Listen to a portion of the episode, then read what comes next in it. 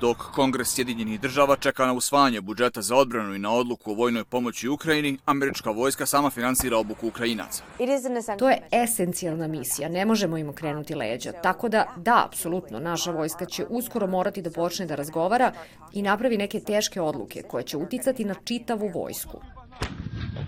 Vojni zvaničnici kažu glasu Amerike da će, ako se ništa ne promijeni, američke snage u Evropi i Africi početkom ljeta ostati bez sredstava za bilo koju namjenu, uključujući i za pomoć Ukrajini, kao i za američke operacije i vježbe sa NATO saveznicima.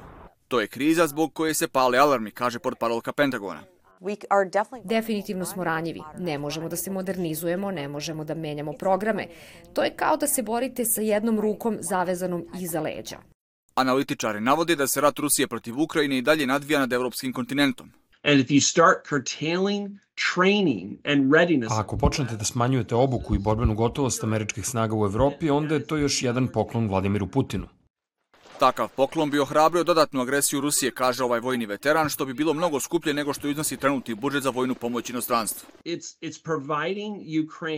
To obezbeđuje oružje Ukrajini danas, kako Amerikanci ne bi morali da daju svoje živote sutra. Toliko je jednostavno.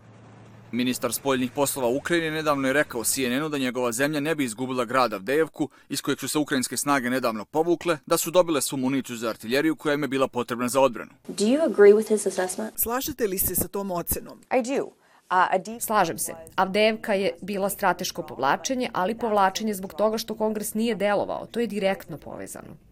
Februar je peti mjesec u kojem je Pentagon funkcionisao bez punog budžeta, a novu vojnu pomoć Ukrajini nije poslao od kraja decembra.